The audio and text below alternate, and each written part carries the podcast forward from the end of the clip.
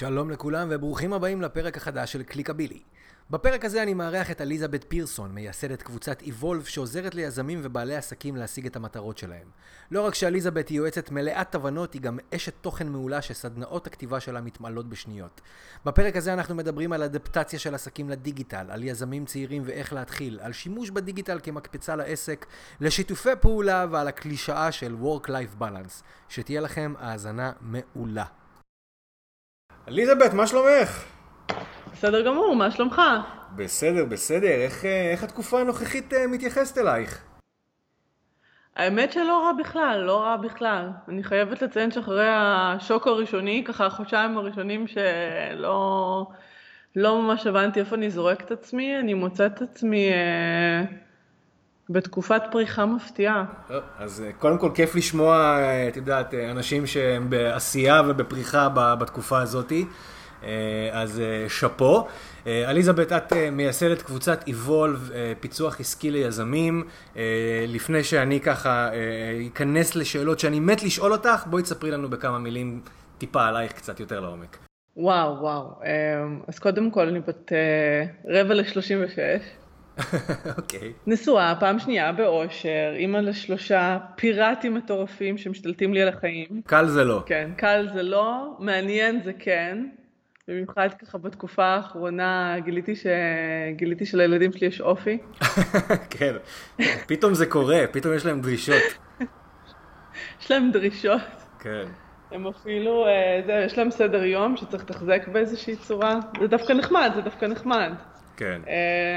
אה, סדר העדיפויות שלך משתנה פתאום. אה, ושאני לא רודפת אחרי הזומים של הילדים שלי, אז, אז אני מאוד אוהבת לעזור לעסקים לפרוח.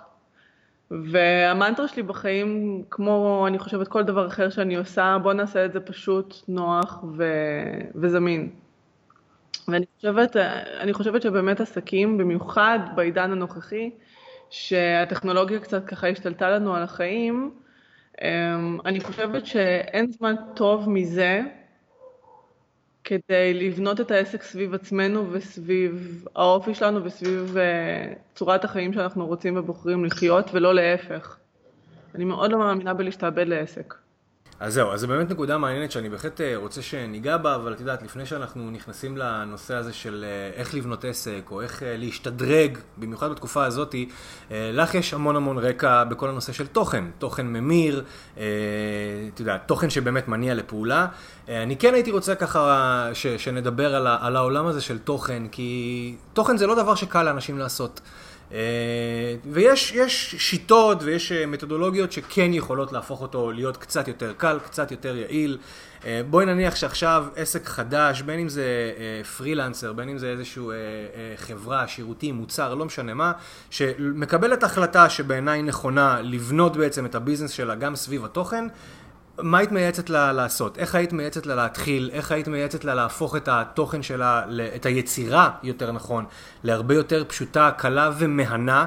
כי זה לא קל, וכשזה לא קל זה הופך להיות לא כיף, ואז קל מאוד לזנוח את זה. אה, אז, אז בואי תני לנו קצת טיפים בנושא הזה של התוכן. אז הטיפ הראשון שלי, כן. והכי הכי חשוב, זה לא מה כן לעשות, זה מה לא לעשות. אוקיי. מה שאני ממליצה זה לשכוח את כל מה שאני, כדי באמת להצליח לכתוב ולייצר תוכן כמו שצריך, אני ממליצה ומציעה ומתחננת שתשכחו מה, כל מה שלימדו אתכם על כתיבה וקריאה בבית ספר. תסבירי. כל מה שלימדו אותנו בשנות הלימודים שלנו, ב-12 שנות לימוד שלנו, לגבי איך צריך לקרוא, לכתוב ולהעביר, ולהעביר רעיון, הוא לא נכון, הוא לא מדויק, הוא ישן, הוא ארכאי, ואין לזה שום קשר לצורה שבה אנשים מתקשרים אחד עם השני בחיי היום-יום. בסדר, okay. זה טוב אוקיי. לאקדמיה, זה לא טוב לעסקים. ולמה אני אומרת את זה? כן. כי כמעט כל בעל עסק שאני פוגשת, באשר הוא, בין אם הוא בלוגר ובין אם הוא אה, סטארט-אפ ובין אם הוא אה, עסק קטן כזה או אחר לטיפול לייעוץ שמוכר עפרונות אה, לא מחודדים, מה שאתה רוצה, לא, לא, לא משנה איזה עסק אני פוגשת, אני תמיד נתקלת באותו מחסום לגבי תוכן. אני, הם, אנשים לא כותבים כמו שהם מדברים, ולמה זה? כי ככה לימדו אותנו בבית ספר, לימדו אותנו שכדי לכתוב אנחנו צריכים להתנסח בצורה מסוימת, ברמת שפה מסוימת, כמו שכתוב באיזשהו ספר, באיזשהו מאמר שקראנו באיזשהו ספר לימוד. זה פשוט לא עובד ככה, אנשים לא מדברים ככה, ואם אני רוצה להתחבר לקהל שלי ואני רוצה שהקהל שלי יתחבר אליי, אני צריכה להתחיל לדבר איתו כמו שאני הייתי מדברת איתו אם הוא היה לידי בחדר. ולכן כשאני כותבת תוכן, כשאני מלמדת איך לכתוב תוכן, הדבר הראשון שאני מלמדת זה ת, תשאירו את ההתנסחויות בצד ותכתבו כמו שהייתם מדברים עם הבן אדם, עם הלקוח שלכם, אם הוא היה יושב מולכם, בדיוק באותה שפה, עם הסלנג, עם הטעויות כתיב אפילו לפעמים, עם הטעויות, לא, לא טעויות כתיב, אני מדברת, סליחה, על טעויות, אה, עם טעויות התנסחות, יחיד, רבים, לא משנה. האותנטיות הזו, זה בסופו של דבר מה שמחבר אלינו את הלקוח הכי הרבה. זה פעם אחת. ופעם נוספת, אגב, לשכוח את כל מה שלימדו אותנו בבית ספר, בחייאת, למי בא לקרוא עכשיו עמוד שכתוב אה, מצד, מצד ימין לצד שמאל תוכן שהוא מלא קטן ומפוצץ? זה לא נעים. זה לא היה נעים לנו כשהיינו ילדים וזה גם לא נעים לנו היום. אז למה אתם כותבים ככה? אף אחד לא רוצה לקרוא את זה, תרווחו.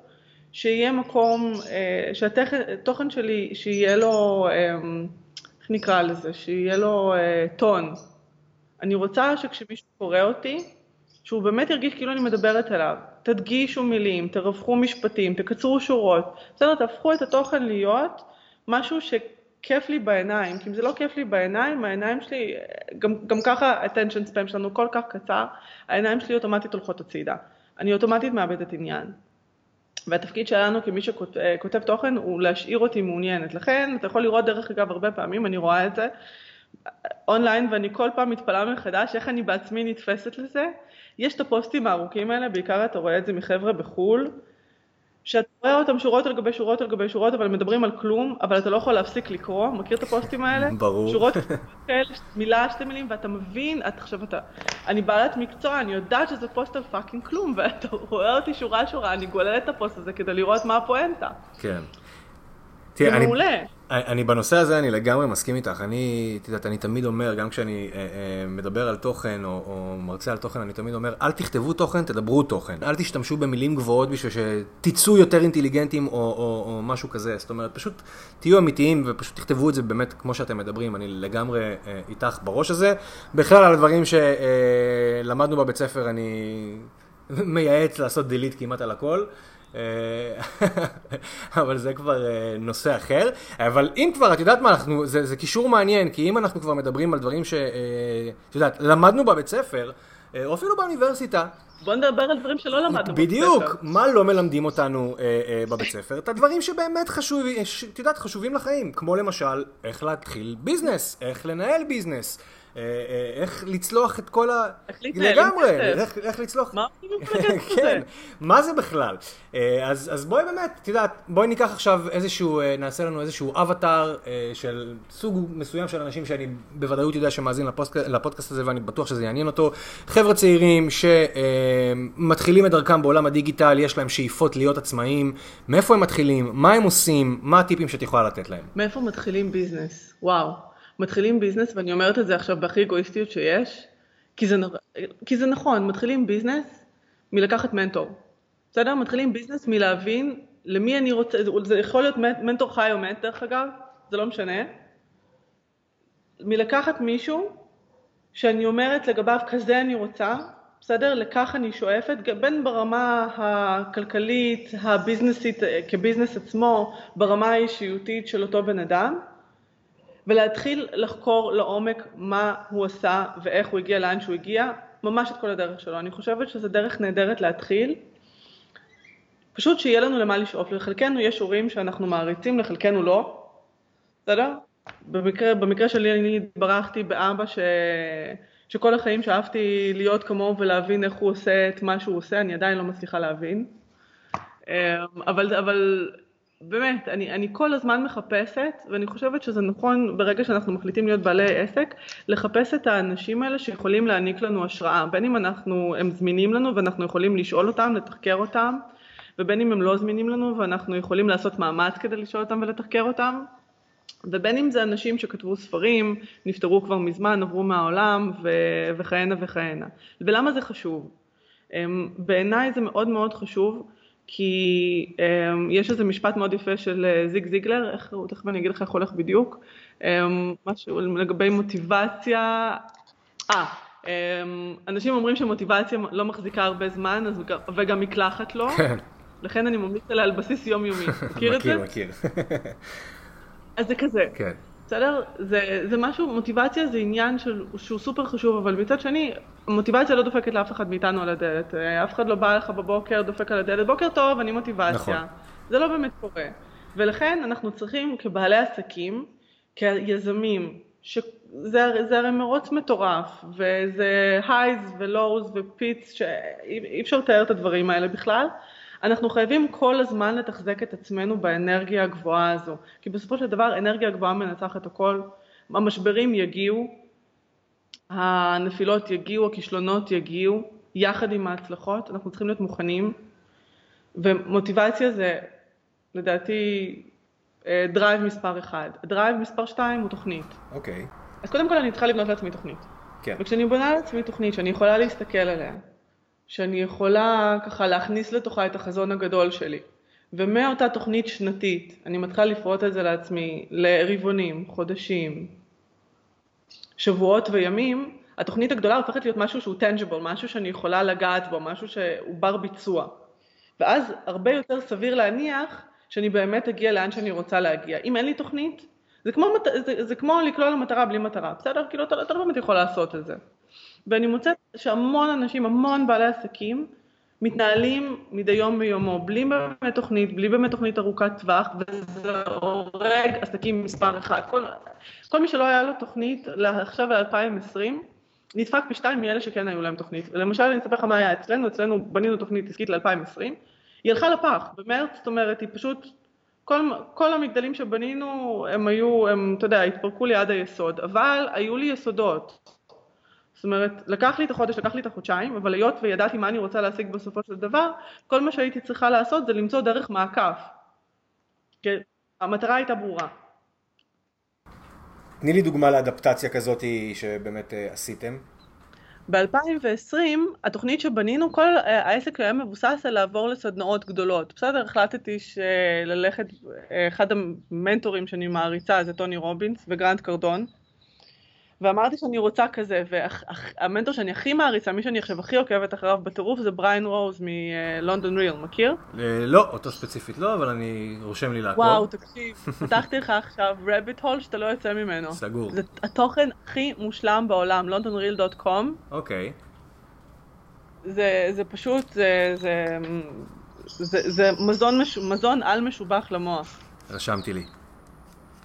אמ, אז כשאני עוקבת אחריהם ואני רואה מה הם עושים, אמרתי אוקיי, כזה אני רוצה, לשם אני רוצה לשאוף, וכל התוכנית של 2020 הייתה מתוכננת על סדנאות, סדנאות גדולות, שממירות, אה, על הרצאות גדולות שממירות לסדנאות וכולי וכולי. ומן הסתם במרץ, אה, שבועיים לפני הסדנה הראשונה שלי, אחרי שכבר השקעתי בכסף ובמקום, והצוות שלי בנה את הכל, והכל היה מוכן, סגרו את הכל. אז אחרי שליקקתי את הפצעים ואת עשרות אלפי השקלים שהשקעתי ולא יכולתי להחזיר, ישבתי בבית ואמרתי, אוקיי, טוב, מה עושים? אמ, ופשוט אה, התחלנו להעביר את הכל לדיגיטל. ובתור מי שעד אז לא הייתה מאוד מנוסה ב... אני מאוד אוהבת אנשים ולא הייתי עד אז, פשוט סירבתי להעביר את הדברים שלי לדיגיטל, זה לקח לי זמן. אבל ברגע, ברגע שהתרגלתי לזה, זה הפך להיות טבע שני, ולא רק שזה הפך להיות משהו שאני מאוד מאוד אוהבת ומלמדת ומעבירה הלאה, זה פשוט פינה לי חצי מהלו"ז שלי. ברגע שעברתי את הדברים לדיגיטל, זה, זה פשוט פינה לי המון, וזה, וזה צמצם לי המון הוצאות. תני לי דוגמה, מה זאת אומרת העברתי דברים לדיגיטל? כל הסדנאות שלי, חצי מהפגישות שלי עברו לזום. אוקיי. Okay. Um, התחלתי לעשות וובינארים, שזה משהו שלא הייתי עושה קודם. Um, סדנאות כתיבה, אונליין, לא הייתי עושה אותם קודם, סדנאות הכתיבה שלי היו בעצם חלק מהליוויים האישיים שהייתי עושה ב-2019. והיות וראיתי שוב ושוב ושוב, התחלתי יותר להשתתף בוובינרים אחרים ובקבוצות, וקיבלתי, אה, הצלחתי לקבל באותו כמות של זמן יותר לקוחות ולטפל ביותר בעלי עסקים, כי הכל היה בדיגיטל, התחילו להגיע לאנשים מכל הארץ, מה שלא היה קורה קודם. בעצם מה שקרה הוא שהבנתי שיש את הצורך האדיר הזה בסדנאות כתיבה והנה עכשיו יוצאת סדנת הכתיבה הראשונה שלי שהיא בכלל נפרדת מסדנאות העסקים שלי והיא התמלאה בפחות משבועיים. וואלה, יפה. זה משהו שלא הייתי יכולה בכלל לדמיין שקורה השנה, לא תכננתי אותו בכלל השנה. כן. אז בעצם את אומרת שאם לא הייתה לך את התשתית הזאת, למרות שהיא, אה, בוא נגיד שלמרות שהבניין קרס, אבל היו יסודות, אז, אז לא היית מצליחה אה, להדביק את הפער. לחלוטין לא. אוקיי, אז בואי נחשוב קצת, אה, את יודעת, ברמה פרקטית, נניח עכשיו יש לנו את אותם עסקים ש, שמאזינים לנו, בעלי עסקים, איזה יסודות הם חייבים לנטוע? זאת אומרת, מה חייב שיהיה שם ועל סמך זה לבנות את התוכנית, שאת יודעת, worst case scenario, גם אם זה מתפרק, יש את הדברים שהם ברורים מאליהם, שאלה היסודות ומפה לא זזים. על, על סמך זה אפשר לבנות את הכל. אז יש כמה יסודות בעצם. היסוד הראשון הוא היסוד הכלכלי. אני רוצה להבין כמה אני רוצה להרוויח השנה, כמה אני רוצה להכניס מול כמה אני רוצה להרוויח. אוקיי. Okay. בסדר? זה מאוד מאוד חשוב. תכנון של הכנסות והוצאות בכלל. כל הפן הכלכלי, הרבה מאוד בעלי עסקים קטנים מתחילים מלא לתכנן אותו ואומרים נזרום. לא, לא נזרום. במיוחד נכון. עכשיו בתקופה הזו, לא, לא נזרום. אנחנו צריכים להבין לאן הכסף הולך ומאין הוא בא. ואם אנחנו רואים שיש לנו פער, במיוחד כבעלי עסקים חדשים, אנחנו צריכים למצוא את המימון. בסדר? מימון אה, זה לא רק לעסקאות ענק. אני מאוד מאמינה במימון, אני מאמינה שהבנק הוא לא אויב, הוא חבר, הוא פשוט המוצר שהוא מוכר זה כסף. ולכן אנחנו צריכים לעבוד איתו מהרגע הראשון. אם, אם אנחנו נתייחס לבנק ברצינות, הבנק כמו כל דבר, כמו כל לקוח או ספק, יתייחס גם אלינו בחזרה ברצינות. לכן הבנייה של התוכנית הזאת וההבנה של כמה כסף אנחנו צריכים, כמה כסף זה עולה לנו באמת להקים את העסק ולתפעל אותו בשנה, שנתיים הראשונות עד שהוא מתחיל להביא רווח אמיתי, התכנון הכלכלי הזה הוא סופר סופר חשוב. ואפילו יותר חשוב מהתכנון הכלכלי זה, אמ, נקרא לזה תכנון נפשי, אבל זה העבודה הקונסיסטנטית על עצמנו כבעלי עסקים.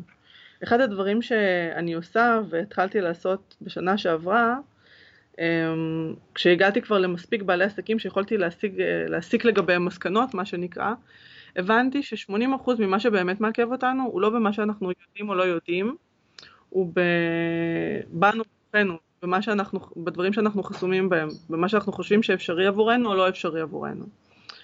ולכן אמ, עשיתי משהו מדהים שנה שעברה, עברתי סדנה של אה, מקצועית של בחורה בשם מרי ספיר. אמ, היא מתמחה בשחרור חסמים, אה, דרך אגב גם מישהי שמאוד שווה לעקוב אחריה ככה בשביל ה-peace of mind.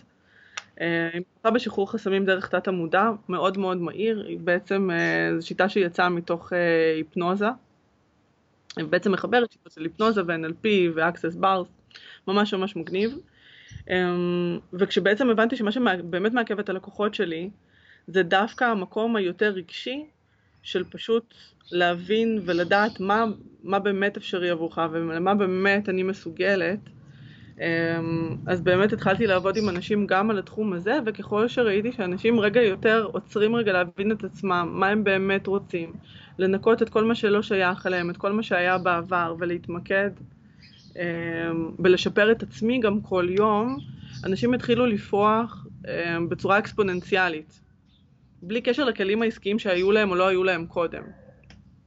אמ, ואני באמת חושבת שהיום עם כל מה שקורה מסביב, עם כל החוסר ביטחון ועם כל החוסר יציבות, אני חושבת שהעוגנים הפנימיים שלנו שאנחנו יכולים אה, שאנחנו יכולים וצריכים לנטוע בתוך עצמנו, כי אף אחד לא יכול לעשות עבורנו אם אנחנו לא יכולים לעשות עבור עצמנו. ככה אני לפחות חושבת.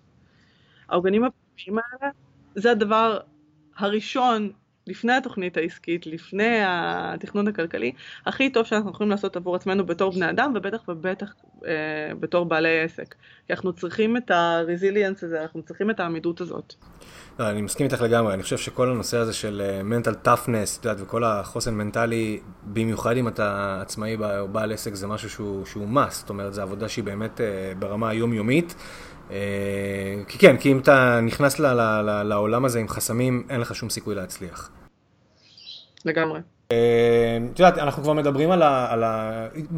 בואי נתקדם טיפה, זאת אומרת כבר, אוקיי, אז יש את הביזנס, הוא כבר קיים, אותו אה, אה, פרילנסר שהתחיל בזמנו כ-one man show נקרא לזה, אה, לאט לאט מתפתח וגודל, אה, ורוצה לפחות אה, לצמוח לסוכנות, לאג'נסי, לחברה, את יודעת, לעסק עם עובדים. מה, מה הצעדים שהוא צריך לעשות בשביל, אה, את יודעת, לא לקפוץ אה, מעל הפופי, כמו שאומרים? אני חושבת שהדבר הראשון שאתה צריך כדי לצמוח זה לגייס אנשים שיהיו לצדך. אוקיי. אמ, זה לא פשוט. גיוס עובדים זה משהו שהתנסיתי בו כמה וכמה פעמים, לפעמים זה היה מוצלח יותר, לפעמים זה היה מוצלח פחות. אמ, וגם פה הגישה שלי זה שאפשר ללמד כל אחד כל דבר, אבל אה, אין דבר שהוא מחליף קונקשן טוב. ולכן אני חושבת שכשאנחנו מגייסים את האנשים, צריך להסתכל קצת פחות על קורות החיים המקצועיים שלהם וקצת יותר על סוג הבן אדם שהם, והאם אנחנו יכולים לחיות עם סוג הבן אדם הזה. אמ, כי בעיניי עובדים זה כמו ילדים, וזה התפקיד שלנו כעובדים לטפח אותם, ולדאוג להם מאלף ועד תף, זה באמת התפקיד שלנו, ואנחנו צריכים להסתכל על זה ככה. אז קודם כל, אם אנחנו לא יודעים איך לעשות את זה, טוב uh, למצוא איזה סדנת ניהול טובה, או ניהול עובדים, או לקחת מישהו שילווה אותנו בתהליך של איך לגייס את העובד נכון. ואז ברגע שאתה כבר מגייס את העובד, פשוט להתייחס אליו כבן משפחה, לטוב ולרע. וללמד, ו- ולא להתקמצן עם המידע, ללמד כל מה שאתם יודעים. אם אתם בעלי עסקים קטנים ויש לכם חזון גדול, אה, האנשים שילוו אתכם מתחילת הדרך, הם יהיו האנשים הכי נאמנים לכם. וגם אם מתישהו הם יפרסו כנפיים וייצאו, זה בסדר. אני מוצאת הרבה בעלי עסקים שקצת מתקמצנים עם הידע שלהם וקצת שומרים ככה את המושכות לעצמם, אני לא חושבת שבאמת יש לזה צורך. אני חושבת שברגע שאנחנו מעסיקים מישהו, הרעיון הוא להעביר אליו כמה שיותר כדי שאנחנו נצטרך לדאוג כמה שפחות, ורק לפקח על הדברים מלמעלה, לראות את הדברים בסקופ היותר גדול. באמת להפוך להיות מהעובדים בתוך העסק למנהלים של העסק. ודבר נוסף שאני מאוד מאוד חושבת שחשוב, כשאנחנו רוצים לעשות את הקפיצה הזו, הוא באמת ללמוד לנהל את הזמן שלנו כמו שצריך. עכשיו, זה לא שאני חושבת שבאמת אפשר לנהל זמן, אלא יותר בקטע של למצות את הזמן, אם אתה מבין למה אני מתכוונת. כן, כן, כן, להיות, אה, את יודעת, בדיוק שמעתי לפני אה, איזה כמה ימים, אה,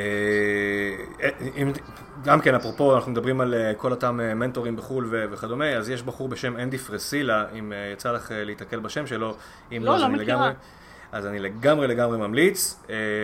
ואז הוא הוציא איזשהו פודקאסט כזה, איזשהו פרק של משהו כמו איזה 12 דקות, אני חושב, רנט שלם שהוא פשוט אה, יוצא על אנשים שהם אה, אומרים שהם ביזי כל הזמן והם כל הזמן עסוקים והם חושבים שזה מרשים מישהו והוא אומר כאילו זה לא מעניין כמה אתה ביזי זה מעניין כאילו מה, מה האפקטיביות אז זה לגמרי מתחבר למה שאת אומרת כאילו זה שאת יודעת אתה עסוק יותר מדי מבחינתו זה דווקא באיזשהו מקום אה, מראה על חוסר ניהול זמן ועל פרודקטיביות וחוסר יעילות כי אם היית פשוט אפקטיבי אז לא היית כזה עסוק כל הזמן אז, אז כן אז בדיוק מתחבר לי אני מסכים. אני מסכים. כן? זה לגמרי... וככל שאני יותר מעבירה לדיגיטל, ככה אני מוצאת שיש יותר שעות ביממה. אז תראי, אז את יודעת, זה... זה... זה נקודה מעניינת, כי מצד אחד יש באמת המון שעות ביממה, מצד שני אתה כן רוצה להרגיש שאתה כל הזמן נמצא בעשייה, ואתה גם רוצה, את יודעת, להיות אפקטיבי. בעשייה, מה הבעיה?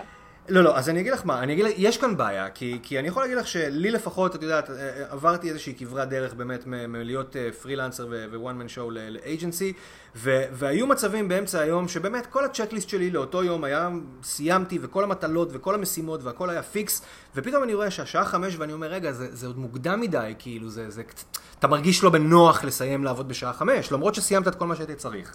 אז, אז יש פה איזשהו משהו שהוא, את יודעת, ויש לא מעט בעלי עסקים שעושים את מה שצריך, אבל עדיין נשארת להם התחושה הזאת שאולי הם לא עשו מספיק. עכשיו, את יודעת, בואי תגידי מהניסיון שלך, איך צריך להסתכל על, על מקרה כזה. אז אני אשאל אותך, אני אחזיר לך בשאלה. כן. למה אתה קורא להיות בעשייה? כי למשל, אני נמצאת בעשייה גם כשאני עושה מדיטציה, אוקיי. וגם כשאני משחקת עם הילדים שלי, וגם כשאני קוראת, וגם כשאני כותבת, וגם כשאני יוצאת עם בעלי לדייט, אני נמצאת בעשייה. העשייה היא העשייה של החיים שלי. בסדר? העסק שלי לא יכול להתקיים בלעדיי, בלי שאני ממלאה את עצמי. וכשאני בונה לעצמי את הלו"ז, הלו"ז שלי כולל גם עבור עצמי וגם עבור המשפחה שלי וגם עבור העסק שלי באותה מידה. אני לא עושה את ההפרדה, אני מביאה את העבודה הביתה. פיזית העבודה שלי עכשיו היא בבית, כן? כן. אבל, אה, אבל זה, זה מצחיק, כי אנשים כאילו כל הזמן אומרים את ההפרדה, work-life balance. אני לא מאמין בזה. גם אני לא מאמינה בזה, ויותר מזה כיזמים, איזה work-life balance? הילדים אין, אין. הילדים שלי מעורים בכל מה שאני עושה, בעלי שעובד איתי שיחיה, הוא מעורה בכל מה שאני עושה, אנחנו מדברים על בבית. אין שום סיבה לעשות את ההפרדה הזו, אלא ליצור איזושהי סינרגיה או נקרא לזה, אם אנחנו משווים את זה למקהלה, בסדר? או ככה שמנג... שמנגנת, ששרה ביחד עם ככה כמה כלים, לא כל הכלים מנגנים באותה עצימות, והמקהלה לא תמיד שרה באותה עצימות, אבל יוצאת משם איזושהי סימפוניה, איזשהו משהו סימביוזי כזה, שהוא השלם, כמו שאומרים, הרבה יותר גדול מסך על הקו.